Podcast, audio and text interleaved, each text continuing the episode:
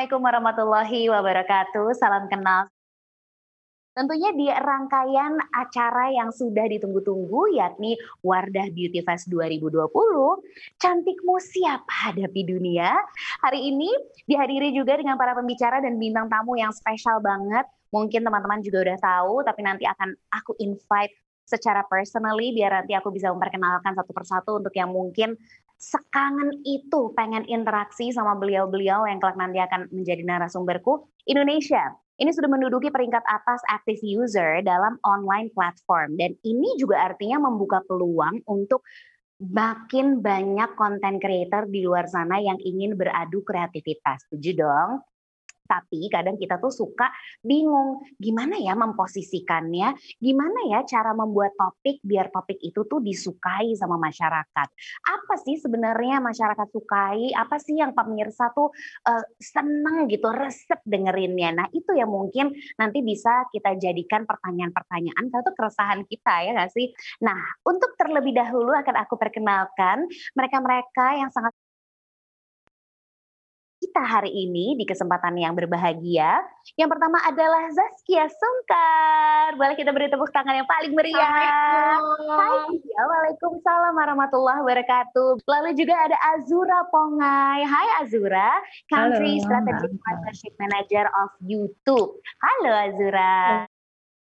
Kita nanti ngobrol banyak ya Azura. Aku boleh, mohon boleh, izin untuk menyapa Suhai Salim yang juga sudah siap bersama dengan kita. Hai Suhai. Hai. Hai Kia. Hai. Hai. Aku happy banget nonton konten-konten kalian tuh yang apa ya? Aku bisa bilang aku berasa kayak lagi diajak ngobrol aja gitu. Serial itu, sehangat itu berasa sampai ke pemirsa yang nonton gitu. Aku mau nanya way before hari ini akhirnya aku ketemu kamu gitu. Sebenarnya aku pengen banget nanya, kamu tuh untuk awal mulanya akhirnya bikin konten di YouTube tuh inget gak sih ceritanya gimana gitu? Siapa yang menginisiasi duluan waktu itu? Jadi uh, tadinya nggak kepikiran ya mau bikin YouTube gitu karena uh-huh. uh, karena nggak nggak apa ya nggak nggak ada kepikiran tuh yang tiap hari pegang kamera di rumah di mana aja gitu kayak kayak banci kamera gitu kan gak kayak gitu kan aslinya ya maksudnya uh, suka tapi kan kebiasaan saya kan ya cukup ke studio di TV selesai gitu kan nggak pernah yang kayak Betul. di rumah terus kegiatan sehari-hari yang orang nggak bisa lihat di layar kaca kita ya, publish gitu. Itu satu iya, hal yang bagus sih buat aku. Dan kalau uh, aku boleh nanya gitu, sebenarnya tuh konten yang kalian pilih gitu, yang kamu, uh, Irwansyah dan juga semua iya Sungkar Family pilih itu tuh sebenarnya tuh uh, ada ada ini nggak sih kayak obrolan dulu kita tuh kalau kalau keluarga kita ini deh kontennya, kalau kalau kalian ini gitu atau sengalirnya aja? Uh, makanya aku ngerasa happy dan pas ngejalan ini nggak jadi suatu beban karena memang kita jadi diri kita masing-masing aja gitu loh. Ini beda sama kerjaan kita di luar YouTube gitu kan yang mana kita harus berperan menjadi orang lain. Uh, misalnya lagi lagi syuting gitu kan automatically kan kita pasti harus acting. Tapi kalau misalnya di YouTube channel kita happy-nya ya gitu bisa jadi diri kita sendiri orang bisa ngeliat ya ya Kia tuh kayak gini gitu Shirin ya kayak gini dan yang lain-lain tuh kayak kayak Wisnu aja kan pada taunya orang kaku apa segala macam kan. Begitu YouTube Summer Family keluar kan baru lihat asli oh aslinya Wisnu kayak gini gitu. Itu sih yang menariknya ngomongin soal uh, orang yang akhirnya nonton uh, channel YouTube kalian subscribe kemudian juga akhirnya happy banget uh, enjoy lah nonton uh, segala konten yang kalian sajikan sebenarnya kalau dari The, The Sungkas Family sendiri, dari Kia sendiri deh gitu, ada nggak sih sebenarnya nilai-nilai yang pengen kalian selipin di setiap konten kalian? Kalau boleh tahu itu apa sih Ki? Ya kalau mungkin uh, viewers kita pada tahu ya di beberapa konten kita itu memang kita udah kita udah sepakat dari awal berempat. Uh, jadi ini nggak cuman menjadi ajang untuk uh, apa ya orang supaya lebih mengenal kita tapi kita ya. pengen ada dakwahnya juga jadi ada uh sisi dakwah yang memang kita selipin di beberapa episode gitu kayak misalnya sampai sekarang kalau misalnya lihat walaupun viewersnya kecil gitu kalau yang udah konten dakwah tuh biasanya viewersnya kecil gitu tapi ya udah gitu ya memang memang di situ kita nyari pahalanya aja gitu mudah-mudahan ya. ada yang nyangkut ada yang lihat gitu terus kalau misalnya kayak hmm. misalnya kan ada yang belajar ngaji, belajar bahasa Arab itu, itu kan ada tuh konten reguler di The Sungguh Family.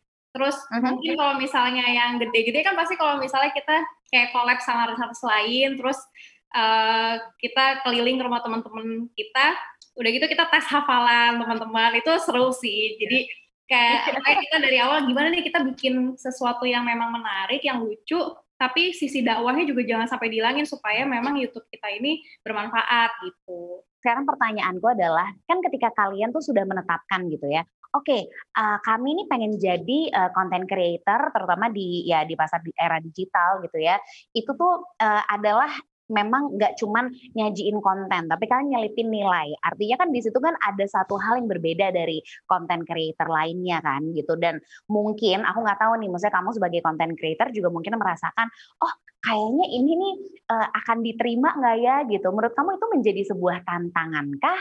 Uh, agar gimana cara kita mengemas itu jadi seru dan menarik atau justru kamu punya cerita tantangan lain soal menjadi content creator di ya dunia perdigitalan ini gitu. Ya emang uh, ini challenging banget sih karena uh, makin ke sini kan makin banyak semua orang kayak sekarang di YouTube ya gitu. Jadi kayak aduh kadang-kadang buntu juga jujur aku kadang-kadang bingung uh, sama share konten apa lagi ya yang harus kita buat. Hmm. Kayaknya kalau bisa ngikutin tentang kita juga lama-lama kan pasti ada boringnya kan, pasti ada ada yeah. naik turunnya. Uh, Nah di situlah uh, apa ya um, challenge buat kita semua bikin hmm. apa lagi nih yang uh, yang informatif, yang memang menarik untuk orang. Tapi kan hmm. kita juga ada keterbatasan nih masalahnya aku sama Shirin tuh kayak aduh kalau misalnya ikut-ikutan yang sensasi-sensasi gitu kayak bukan kita deh udah gitu. Kayak beban gitu di hati. Gimana ya Rin? Gitu. Sering sih kita mm-hmm. diskusi berempat juga sama tim juga. Kebetulan memang mm-hmm. uh, kita ada uh, tim kreatifnya ada tapi memang tetap yeah. aku aku Shirin Wisnu dan Irwan ya. Seperti sih uh, mm-hmm. ya tetap tetap kita semuanya kita garap bersama lah kita olah sama-sama. Makasih banyak untuk sharingnya sekarang aku mau ngobrol sama Suhai Salim. Nah ini juga nyaiknya nih di dunia per beauty vloggeran. Nah ini nih, ini mungkin salah satu struggle ketika jadi content creator nggak sih Suhai?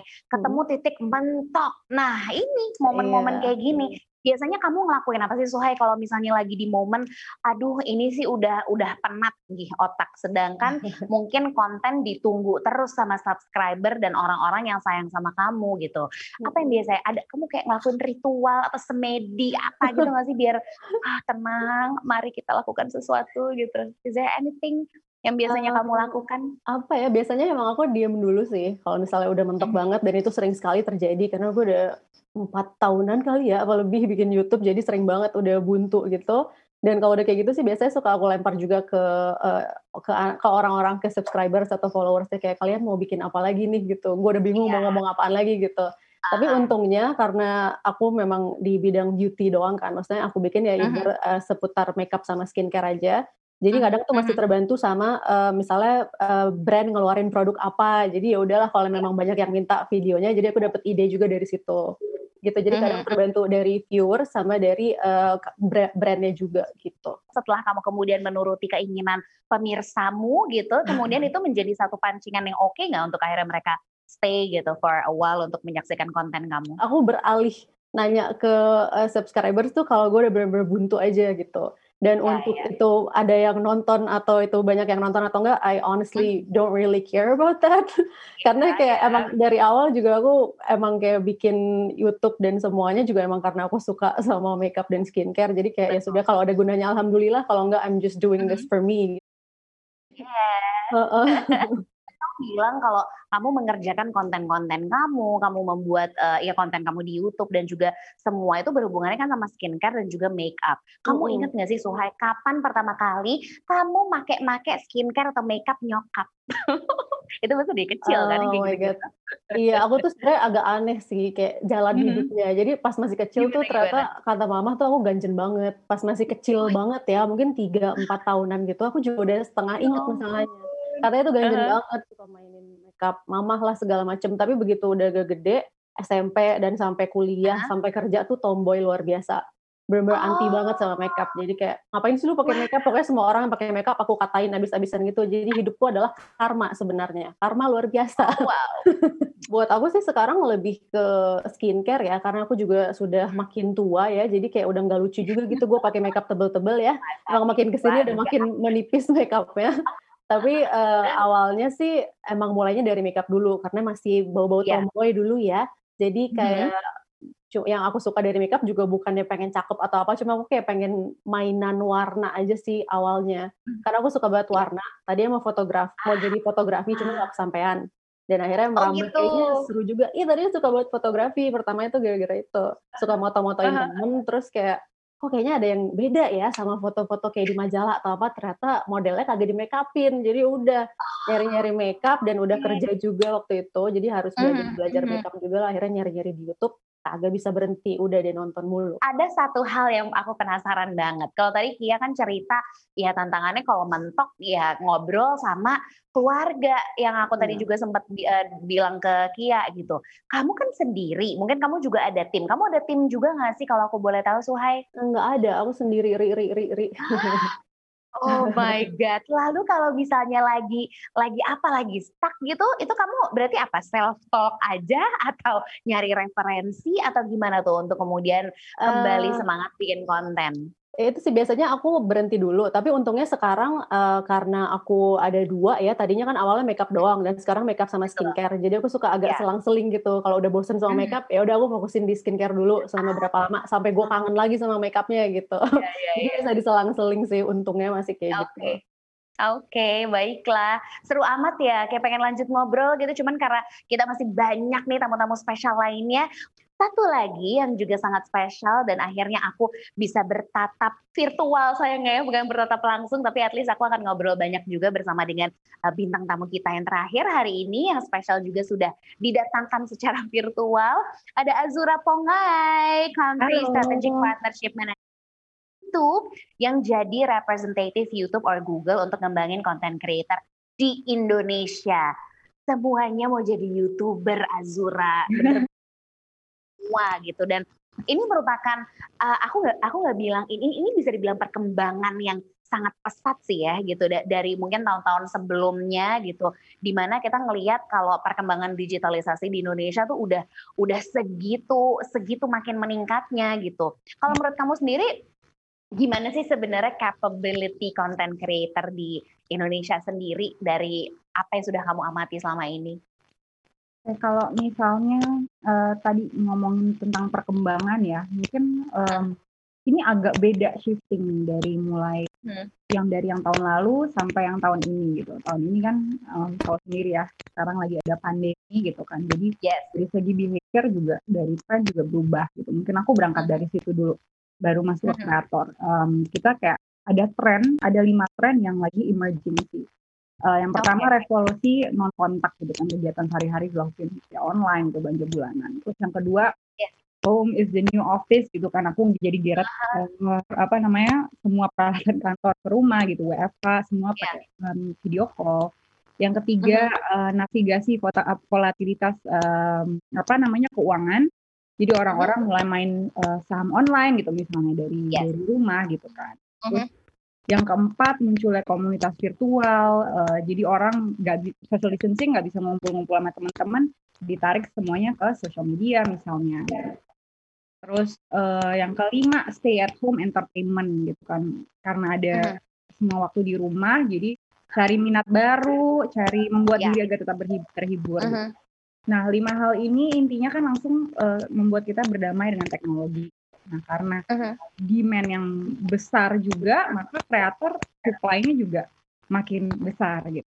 Kalau uh-huh. ngomongin capability konten kreator tadi um, angka nanya, ya kita ngeliatnya based on data ya. Misalnya ya Google is all about data gitu kan. Um, kayak setiap bulannya aja tuh lebih dari 100 juta orang tuh ada di YouTube di Indonesia. Gitu. Jadi dengan adanya viewers yang segitu kita juga bisa lihat gitu dari um, apa namanya dari data-data yang ada gitu. Uh, misalnya contoh aja gitu tahun lalu dalam waktu tujuh bulan, misalnya dalam waktu tujuh bulan aja ada kurang lebih 170 channel yang melebihi satu juta subscribers gitu tahun dalam, dalam waktu tujuh bulan gitu. Jadi itu Indonesia doang Indonesia tuh. betul Indonesia.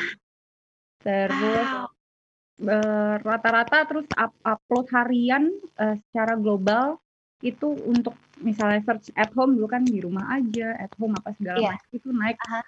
kurang lebih 590 persen gitu. Jadi dari di situ bisa lihat betapa kreator kreator-kreator kita gitu, khususnya di Indonesia juga uh, menyeimbangkan dengan kondisi yang ada gitu.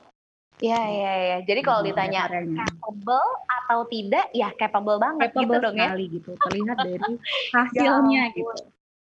Itu itu angka yang fantastis sih bisa dibilang ya. Aku nggak tahu ini, ini pernah angka, maksudnya kenaikan atau perkembangan angka sedemikian drastis itu pernah kalian alami nggak sih sebelum sebelumnya gitu, way before uh, this pandemic? Sebe ini sebe kalau untuk kenaikan beda-beda ya. Biasanya kita kalau misalnya dalam uh, biasanya tuh yang kalau tahun-tahun sebelumnya uh, naiknya misalnya uh, karena ada liburan tertentu gitu, misal occasion tertentu, misalnya Ramadan gitu. Yeah. Kalau kalau dari segi ini, dari segi tahun ini berubahnya beda deh. Pokoknya tidak ada contoh yang seperti tahun ini gitu. Tahun ini amazing gitu. Pokoknya pokoknya orang-orang yang kerja di YouTube sibuk. Sibuk. sibuk. Sibuk semuanya. Mungkin ya, ini uh, satu hal yang bisa aku tanyain juga on behalf of content creator di Indonesia oh, gitu. Yeah. Sebenarnya kalau menurut kamu nih, menurut kamu nih ya, itu untuk para content creator tuh biar konsisten ngasih konten yang faedah gitu dan gak cuman mengejar let's say itu tadi yang sudah kita kita sebutin uh, monetasi, kemudian viewers lah, viralnya lah yang dicari gitu kamu ada saran nggak sih gimana tuh caranya kira-kira biar mereka tuh ya itu lagi-lagi ngasih konten tuh yang faedah juga mungkin at the same time bisa bisa juga nanti lama-lama dimonetize gitu tapi nggak ke situ dulu fokusnya kalau dari kamu sarannya gimana mungkin um, aku kalian mau highlight gitu ya konten kreator dapat intinya dapat tetap mengejar monetisasi gitu kan monetizing yeah. gitu dengan memberikan konten yang berkualitas gitu basically sama kayak Mbak Zaskia sama Mbak uh, Salim juga sama gitu salah satu dari uh, kreator-kreator tersebut gitu. Mungkin kalau misalnya saya bisa kasih tips uh, nomor satu selalu cek community guideline YouTube. Jadi kita menyediakan community guideline YouTube itu sebagai apa ya pedoman gitu. What mm-hmm. what apa yang harus di apa yang boleh dan apa yang tidak. Uh, apa namanya itu satu. Uh, terus yang kedua sebenarnya ini ini lebih ke logik aja sih ya, um, dan ya. saya yakin semua kreator juga uh, yang kayak Mbak Saskia, Mbak Suhai saya juga mungkin setuju gitu. Sebelum posting uh-huh. tuh tanya diri sendiri sih sebenarnya. Uh, ya. Jika anak saya gitu misalnya, adik saya atau orang yang saya kasihi nonton video ini gitu kan, apakah ini bermanfaat untuknya gitu kan, atau aman, paling tidak aman untuknya gitu. Uh, yeah. Jadi tempatkan diri dan posisi diri dari sisi viewers juga gitu. Apa yang apa dampak yang diberikan gitu misalnya. Yeah. Oke, baiklah. Azura, terima kasih banyak. Semoga semua yang tadi kita sampaikan itu bermanfaat untuk semua teman-teman yang lagi giat banget mau jadi content creator. Jangan lupa disiplin dan konsisten.